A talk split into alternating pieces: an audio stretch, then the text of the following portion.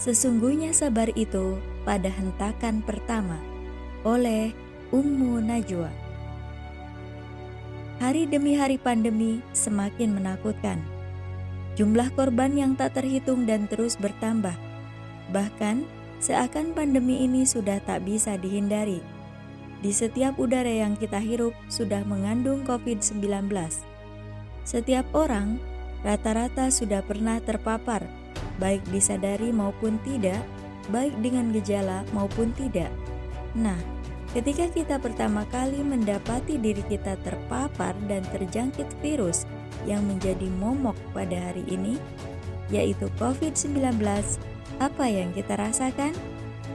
Tentu setiap kita akan merasa down, drop, marah, sedih, kecewa, namun di lain sisi kita pun merasa bingung untuk melampiaskan semua itu kepada siapa. Saat itu, kita pun dihantui dengan bayangan kematian. Semua begitu menakutkan dan bercampur menjadi satu di waktu yang sama. Bisa jadi kita menganggap itu adalah satu mentung terburuk dalam kehidupan kita.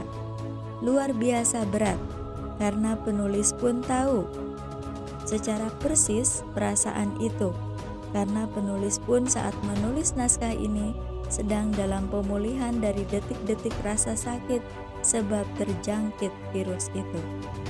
Namun ternyata, sebagai orang yang beriman, kita diperintahkan untuk bersabar, walaupun mungkin terasa begitu berat dan sulit. Rasulullah Shallallahu Alaihi Wasallam menjelaskan terkait sabar yang begitu berat tersebut. Hadis ini diriwayatkan oleh beberapa imam hadis, yaitu Bukhari, Muslim, dan Abu Dawud, yang artinya dari Anas bin Malik radhiyallahu an bahwa suatu ketika Rasulullah Shallallahu alaihi wasallam melewati seorang wanita yang sedang menangis di dekat sebuah kubur. Kemudian Rasulullah Shallallahu alaihi wasallam bersabda, "Bertakwalah kepada Allah dan bersabarlah Wanita itu menjawab, "Menjauhlah dariku, karena sesungguhnya engkau tidak tahu dan tidak bisa merasakan musibah yang menimpaku." Kemudian diberitahukan kepada wanita tersebut bahwa orang yang menegurnya tadi adalah Rasulullah Shallallahu Alaihi Wasallam. Lalu ia mendatangi pintu Rasulullah Shallallahu Alaihi Wasallam dan ia tidak mendapatkan penjaganya. Kemudian ia berkata kepada Rasulullah Shallallahu Alaihi Wasallam, "Maaf, aku tadi tidak mengetahui engkau, wahai Rasulullah." Rasulullah pun bersabda, "Sesungguhnya sabar itu terdapat pada hentakan pertama." Beliau menjelaskan kepada kita bahwa inti dari kesabaran adalah pada hentakan pertama. Pada saat-saat pertama serangan itu datang, pada detik-detik pertama itulah saat yang paling berat. Mengapa? Karena waktu-waktu tersebut adalah waktu terberat dan tersulit.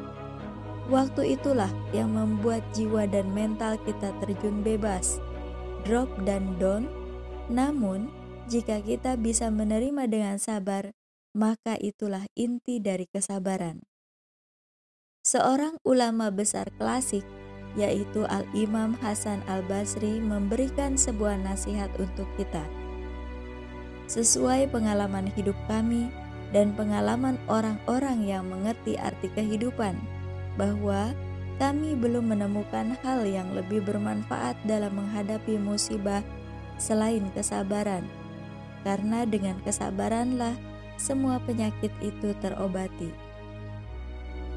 Dengan kesabaran itulah rasa kecewa, sesak, emosi, amarah, ketakutan menghilang, dan sungguh hal-hal itu tidak akan dapat diobati, melainkan dengan kesabaran. Maka tahanlah serangan itu, walaupun mungkin rasa itu begitu menyakitkan dan sulit untuk ditahan, yang bahkan membuat kita drop dan mental kita terjun bebas bersabarlah. Penuhi hati kita dengan zikrullah. Jadikan mengingat Allah adalah hal-hal yang mendominasi hati kita. Sehingga segala hal yang menjadikan hati kita jatuh akan menyingkir dan sirna.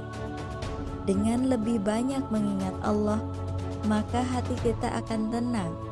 Singkirkan semua tentang COVID-19 atau yang lainnya, karena dengan mengingat penyakit itu, mental kita akan jatuh dan terpuruk. Bukankah Allah telah berfirman dalam surat Ar-Ra'du ayat 28, yaitu orang-orang yang beriman dan hati mereka menjadi tenang dengan mengingat Allah. Ingatlah, hanya dengan mengingat Allah lah hati menjadi tentram. Sungguh, Rasulullah telah menyampaikan kabar gembira bagi kita yang menunjukkan hati bahwa hanya kepada Allah bahwa ketika Allah mencintai suatu kaum atau seorang hamba, maka Allah akan mengujinya. Ujian itu salah satunya dengan rasa sakit.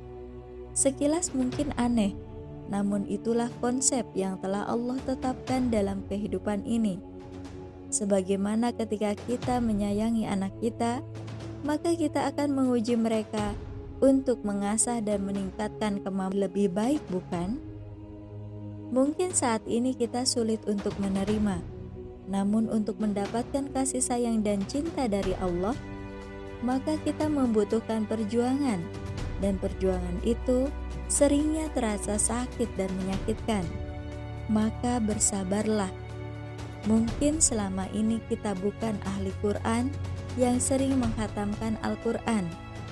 Mungkin juga kita bukan ahli tahajud atau ahli sedekah bisa jadi inilah kesempatan yang Allah berikan kepada kita untuk menjadi hamba kesayangannya dengan penyakit ini.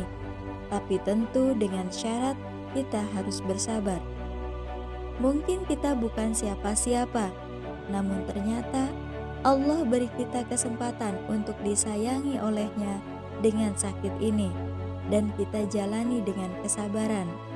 Para ulama mengatakan bahwa ujian sakit yang dibalut dengan kesabaran, maka itu tanda bahwa Allah mencintaimu. Saudaraku, semoga Allah sembuhkan kita dan mengangkat derajat kita. Mari berjuang, mari bersabar. Kunjamkan dalam diri kita bahwa Allah mencintai kita jika kita sabar menjalani ujian ini. Wallahu a'lam bishawab.